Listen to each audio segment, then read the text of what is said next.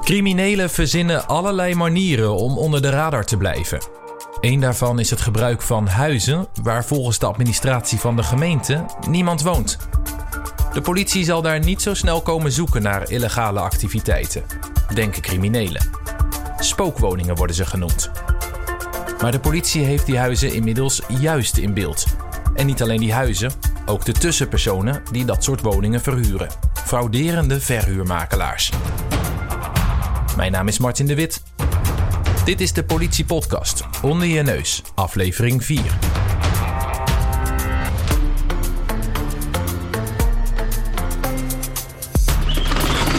Politie! Politie! heftig. Je hebt natuurlijk niet in de gaten in het dagelijks leven eh, dat het allemaal gebeurt. Even heel ontzettend blij. Dan denk je bingo, jackpot. Dat is wel wat er gebeurt.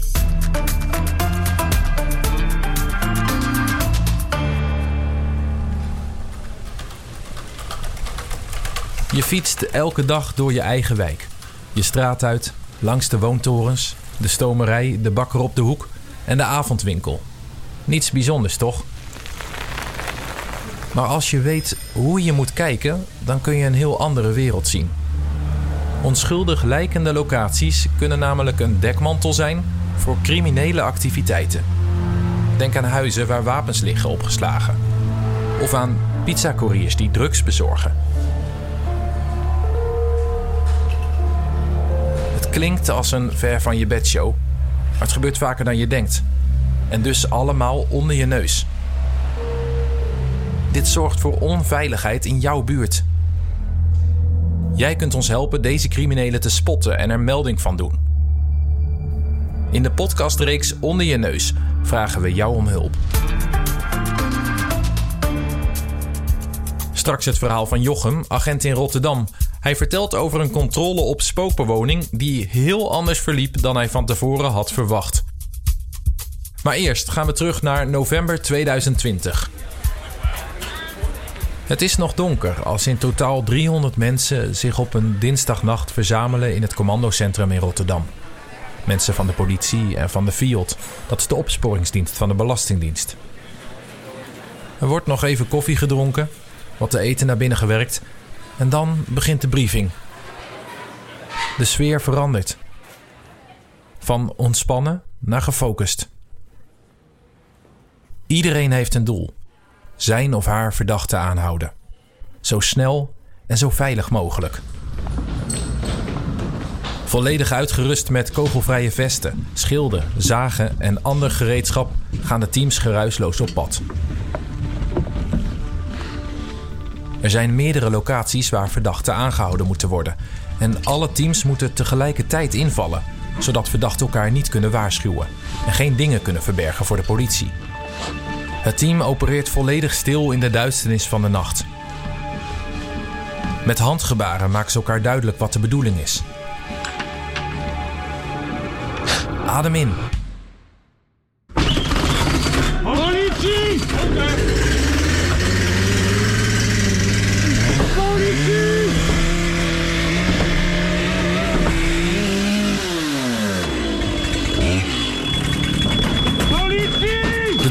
Open. De eerste agenten rennen al schreeuwend naar binnen. Niet veel later komen ze weer naar buiten en gaan ze door naar de volgende klus. De operatie is succesvol.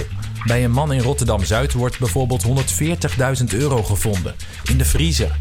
In een appartement in het centrum van Rotterdam blijkt 42 kilo cocaïne te liggen. En in Oost vindt de politie in een leeg huis spullen die gebruikt worden voor hennepkwekerijen. De hele operatie wordt aangestuurd vanuit het commandocentrum. Daar zit Nick van de Recherche in Rotterdam achter de knoppen. Met zijn 39 jaar werkt hij al ruim 16 jaar bij de politie. Altijd in de omgeving van Rotterdam.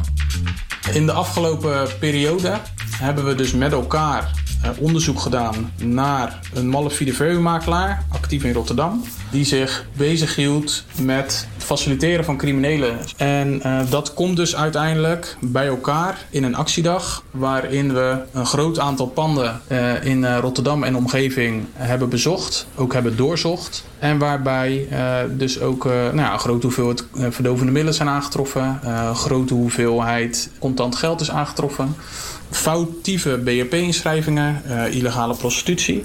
Dus allerlei vormen van criminaliteit.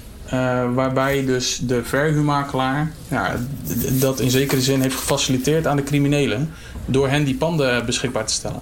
Die foutieve BRP-inschrijvingen, daarmee bedoelt Nick de basisregistratie personen. Daar komt iedere Nederlander in te staan zodra je je inschrijft bij een gemeente en daar ook een woonadres hebt. Maar ja, niet iedereen schrijft zich netjes in. Criminelen proberen hier omheen te werken om maar niet gevonden te worden. Daarom is spookbewoning sinds een aantal jaar een hot topic voor de politie in Rotterdam. Het is een heel veel voorkomend fenomeen. Er is sprake van spookbewoning wanneer een woning illegaal bewoond wordt. En in veel gevallen wordt die woning dan ook verhuurd door een malafide verhuurmakelaar. Uh, hij zorgt ervoor dat de huurder, de feitelijke huurder, niet staat ingeschreven op het uh, betreffende adres en daar eigenlijk anoniem verblijft. In het begin, een aantal jaar geleden, toen het fenomeen spookbewoning in Rotterdam echt een vlucht nam eigenlijk, uh, zag je veel dat er spookbewoning plaatsvond in de wat luxere woontorens.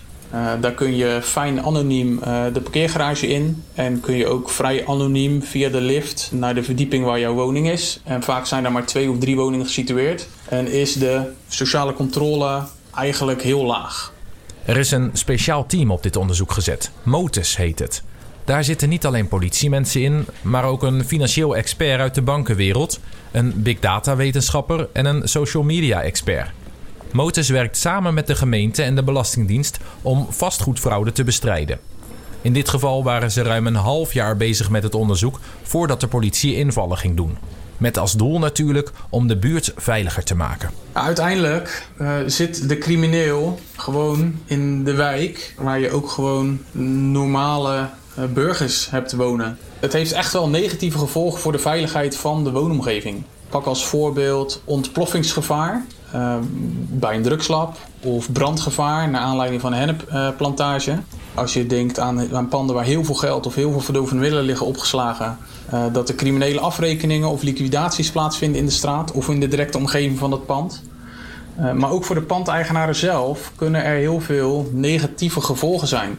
Door crimineel gebruik van je pand ontstaat vaak heel veel schade aan de woning. Door geknoei met elektriciteit, het bouwen van verborgen ruimtes. Uh, en een woning is na crimineel gebruik vaak een stuk minder waard tijdens de verkoop. Of je moet heel veel geld weer in je woning steken om alle schade te herstellen.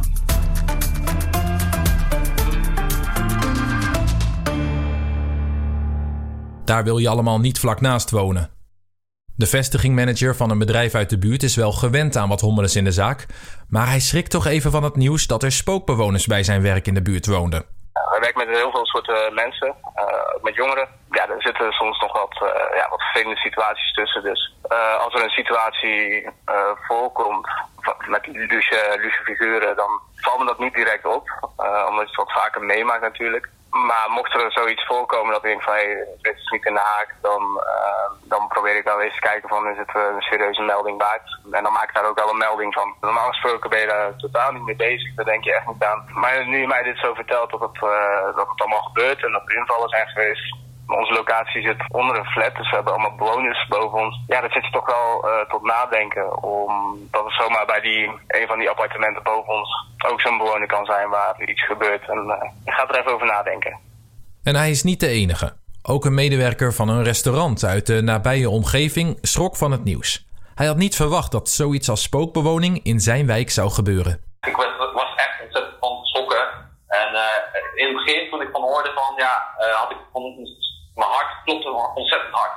Ik heb het wel eens van, van gehoord, maar ik heb het hier in de buurt van weinig van gemerkt. Ik wist wel dat in de grote steden, zoals in Rotterdam, uh, Amsterdam, dat wel, uh, wel plaatsvindt. Maar ik wist niet dat het hier in de buurt wel plaatsvond. Dan naar het verhaal van agent Jochem. De politie controleert steeds vaker op spookbewoning. Politieagent Jochem uit Rotterdam krijgt die opdracht ook wel eens. Ik ben werkzaam in het, eh, bij de politie in het centrum van Rotterdam. Hij is 35. Even goed nadenken hoor. 14 jaar. Ja, 14 jaar werk ik nu bij de politie. Privé en werk gescheiden houden zit er bij hem niet in. Want hij woont vlakbij zijn werk en komt dus ook in zijn vrije tijd wel eens mensen tegen die hij tijdens diensturen heeft aangehouden. Tot nu toe zonder problemen. En ik werk op de noodhulp. Dat houdt in dat hij erop afgaat als iemand de politie heeft gebeld. En af en toe mag hij een controle op spookbewoning doen. Meestal zijn die niet zo spannend, omdat er niet veel te vinden is of er niemand thuis is. Maar dit keer verliep de controle heel anders. Nee, wij gingen eh, die dag, eh 25 februari, eh, gingen wij rond een uurtje of ja, half drie zal het geweest zijn, dat we naar buiten gingen, gingen we naar ons, ons eerste pandje toe. Dat was ehm, naast de markt, de markthal eh, daar in de buurt. Eh, En wij gingen op een uur, eh, liepen we een appartementcomplex binnen. Ja, we dachten daar iemand aan te gaan treffen bij dat pand. Maar goed, daar werd niet open gedaan. Dus wij stonden een beetje te kijken van ja, wat gaan we nu doen? Gaan we weg? Gaan we nog even hier eh, wachten tot er misschien wel iemand aankomt? In de paar minuten die wij eh, daar op die eh, verdieping stonden van dat wooncomplex... een meneer komt uit de lift. En die gaat eigenlijk een deurtje naast de deur waar wij stonden... wil die naar binnen gaan. Jochem en zijn collega's spreken de man aan, want ze willen weten of deze man iets weet over het adres waar ze eigenlijk moesten zijn. En er is nog iets. Als je bepaalde personen tegenkomt, dat je een bepaald onderbuikgevoel bij zo iemand hebt. Ja, een vrij gespierd eh, postuur had hij. En had dure merkkleding had hij aan. Dat was natuurlijk voor ons ook een, eh, een trigger. Die squared kleding, eh, schoenen van, ook van, van die square, dacht ik. Ja, dit was eigenlijk zeg maar, het prototype spookbewoner. Jochem en zijn collega's leggen de man uit wat ze daar aan het doen zijn. Dat ze aan het controleren zijn of leegstaande appartementen wel echt leeg staan. Dat ze in hetzelfde gebouw al eens wapens hebben aangetroffen. En drugs. En hij is eigenlijk ook heel relaxed tegen ons. Heel vriendelijk, ontspannen. Ja, staat hij ons te woord. En toen ehm, vroeg hij meneer of we misschien binnen wilden komen. Of we misschien een bakje koffie wilden zelfs. Zo zei hij dat letterlijk tegen ons. Een beetje verbaasd gaan de agenten achter de man aan, naar binnen. We kwamen eigenlijk in een heel te clean, te schoon appartement. Er werd niet geleefd, om het zo maar te zeggen. Hè. Soms kom je wel eens in een woning bij mensen... en dan hè, daar staat wat op tafel. eh daar zie je aan alles dat er gewoon geleefd wordt. En dat was bij deze woning totaal niet het geval. Dan worden Jochem en zijn collega zo achterdochtig dat ze rechtstreeks aan de man vragen of ze zijn huis mogen doorzoeken. En dan zei hij, eh, dat is goed. In hetzelfde moment ging hij ons ook voor met het openen van kastjes, deurtjes. En hij maakt daarbij gebaren van... kijk, ik heb echt niks verkeerds. Ik, ik, doe, ik doe echt niks verkeerds. De agenten doorzoeken het huis. Jochem begint in een van de slaapkamers. Ik zie daar een bed staan. Dat zag eruit als dat daar al een hele tijd niemand geweest was in die slaapkamer. Dat dat, dat bed ook niet beslapen werd. Ik kijk links en ik zie een kast. En ik trek eigenlijk de eerste deur open. En ik zie direct een Big Shopper staan, een, eh, een grote tas. In die tas zie ik eh, een stuk of tien gesielde pakketten met wit poeder erin. Ik herkende dat direct als zijnde pakketten cocaïne. Dus eh, op dat moment roep ik eigenlijk gelijk mijn collega erbij van... eh, kijk wat ik hier tref. En eh, ja, dat is, gaat echt binnen secondes. Hij, hij liep niet eens helemaal de slaapkamer in, want hij kon het eigenlijk al zien. Dus op dat moment dan houden we die, die man eigenlijk gelijk aan als verdachte... Hè, van de overtreding van de opiumwet. Ja, dus dan, was één even schakelen van... nou, dit is wel heel bijzonder. Die meneer die geeft ons vrijwillig hè, toegang tot zijn woning. Hij zegt dat we mogen zoeken.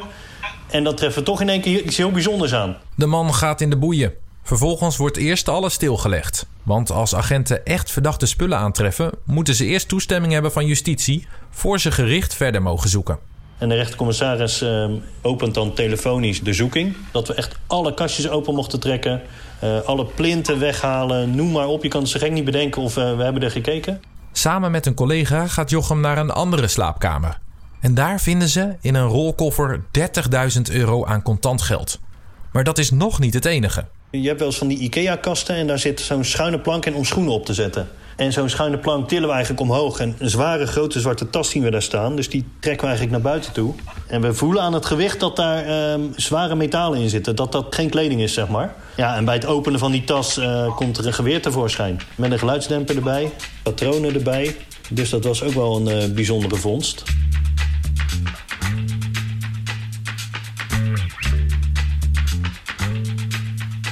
Ja, op het moment dat ik die Big Shopper aantrof in de woning... dan ben je wel even heel ontzettend blij. Dan denk je bingo, jackpot.